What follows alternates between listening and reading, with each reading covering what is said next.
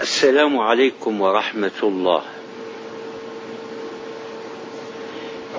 قلت في صدر الحلقة الماضية بأنني لا أجيب في شهر رمضان الإجابة المعتادة على الرسائل التي ترد علي وأعتذر من أصحابها يرد علي كل يوم من ما بين عشر إلى خمس عشرة رسالة ويطلب أصحابها كلهم الجواب. ومن أتأخر في جوابه يلومني وقد يسبني. من أين آتي أنا بالوقت الذي يتسع لرد عليها جميعا وبعضها خاص؟ لكن هذه رسالة تتصل ب يعني موضوعات رمضان.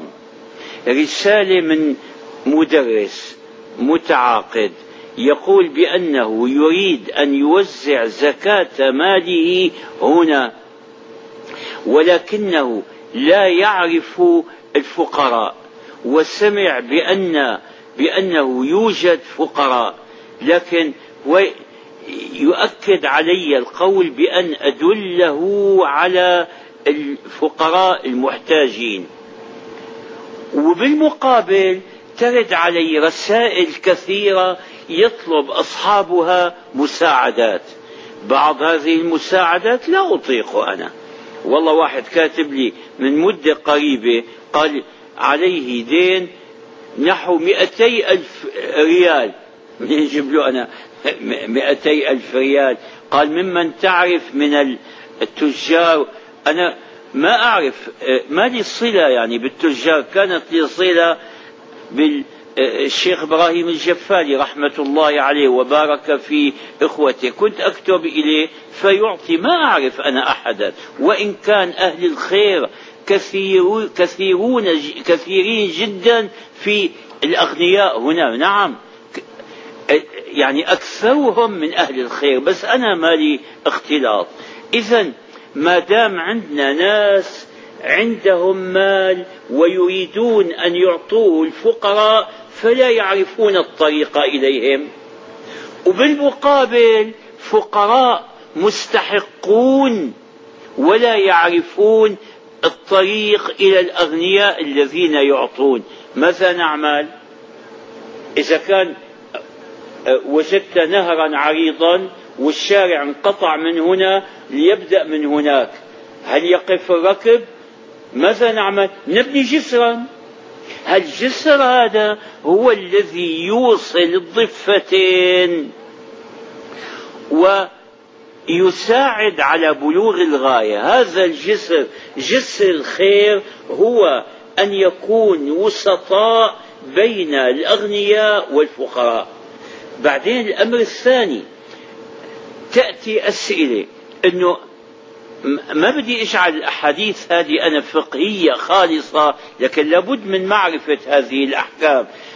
إنه هل يجوز أن تدفع الزكاة لبناء مسجد أو مستشفى أو شيء؟ يا إخوان المسجد ضروري والمستشفى ضروري لكن لا يدفع تدفع هالتكاليف هي من مال الزكاة. بتقول منين مثل الوزارات هلا الدولة فيها وزارات. قبل مدة نشروا هالموازنة ما شاء الله موازنة. وين؟ يعني يقرنها بما كانت آه، تنفق الحكومة قبل خمسين سنة. أنا أعرف هذا معرفة إجمالية. ببداية تأسيس الدولة هي أيام الملك عبد العزيز رحمة الله عليه وبين هالأشياء المبالغ الطائلة الهائلة نسأل الله زيادتها والبركة فيها وحسن إنفاقها. أمر عظيم. هون كل وزارة لها موازنة معينة. فلا تكلف وزارة المعارف ببناء مستشفى.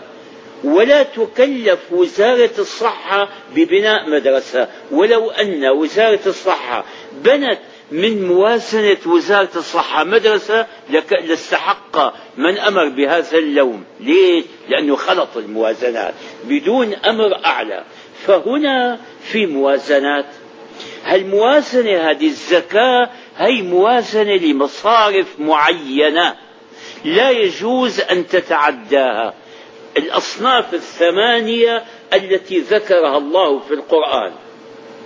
للفقراء والمساكين والعاملين عليها. الموظفون الموظفون الذين يجمعون الزكاة. لا تعجبوا. هلا جمع الزكاة هذا عمل رسمي. من أيام الرسول عليه الصلاة والسلام وأيام الخلفاء الراشدين دائرة مخصوصة هنا كان في دائرة الزكاة. أظن لا تزال باقية. تأخذ الزكاة وتدفعها في المرافق الفقير والمسكين. المسكين من السكينة أي أنه حركته بطيئة. والفقير هل فقار الظهر فقرات ظهري في شيء. هذا أصل الاشتقاق. أحيانا الاشتقاق اللغوي يساعد على فهم دقائق المعاني. نعم. الأصناف الثمانية وبعضها أفضل من بعض. انتبهوا الذي يريد أن يزكي اليتيم. الله وصى به في آيات كثيرة في القرآن وجعل يعني ما بدي أنتقل من الموضوع. وصى به زيادة عن أنه أحد المستحقين الأصناف الثمانية المستحقة للزكاة. إذا إذا وجدت أيتاما إعطاؤهم أولى من إعطاء الكبير القادر على العمل. المرأة هذه ما لها أحد إعطاؤها أولى من إعطاء الرجل الفقير أنه الرجل يعمل هي ما تعمل. القريب بالنسب أو بالجوار هذا إعطاؤه أيضا مقدم على إعطاء البعيد عنك إذا كان فقيرا. ولم يكن القريب إعطاء أفضل من الزكاة إلا إذا كان من الأصل أو الفرع. هذا تعرفونه.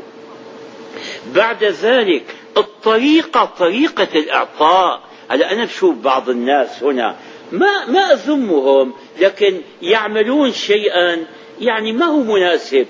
تجد أبوابهم مغلقة والمحتاجون طالبو الزكاة مزدحمون على الباب. سدوا الشارع. ليش يا أخي؟ ليش؟ ينبغي أن تعطيهم سرا. إعطاء السر أفضل لك طريقة الإعطاء. أعطوا الفقير المال ولا تأخذوا منه الكرامة. مو الدفع ثمن. ما أعطيته إياه من كرامته. أعطه المال وكرامته محفوظة.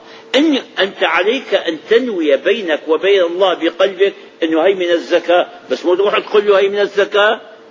إذا قلت له أنه هي من الزكاة تكسر قلبه تكون أفسدت من ناحية وأصلحت من ناحية أخرى. إعطاء المال إعطاء الزكاة ل هذا سئلت عنه ل يعني شخصية اعتبارية. يعني مو شخص واحد جمعية أو شيء. أظن أنه ما يصح لأنه شرطها التمليك. أن يتملكها. أحيانا تأتيني أسئلة تتعلق بالزكاة. لا أحصيها كلها الآن في الوقت ربع ساعة. أقول ما يخطر على بالي. أنه الفقير إذا كان محتاجا محتاج لثوب هل يجوز أن أشتري له الثوب وأن أحسبه من الزكاة؟ الجواب لا. ليش لا؟ لأنك أنت هنا أعطيته ثوبا يحتاج إليه لكن سلبته حرية التصرف بالمال. الله سمى هذا حق. مو عطية منك. ليس منا ولا إحسانا. الله قال وفي أموالهم حق للسائل والمحروم. أي تشمل الزكاة وغيرها. حق. والآية الثانية اللي خاصة بالزكاة وفي أموالهم حق معلوم للسائل والمحروم. حق. أن تدفع إلي حقه. بعدين لقل لكم شيء. هلا هذا إذا واحد الله قدره أن يعطي أقرباءه أو يعطي جيرانه أو يعطي إخوانه لك أنت ما عم تعطيهم من رزقك أنت تعطيهم أرزاقهم. مثل هلا موظفون في دائرة في مدرسة فيها عشرون من المعلمين وكلوا واحدا منهم في أول الشهر أن يقبض أو آخر الشهر ما أدري يقبض لهم رواتبهم. لما يعطي عندما يعطيك راتبك ما أخذ صدقة منه. هذا حق لك.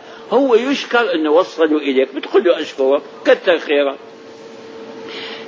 فربنا عز وجل يوكل الأغنياء أحيانا بأن يوصلوا إلى الفقير رزقه اللي هو رزقه إياه.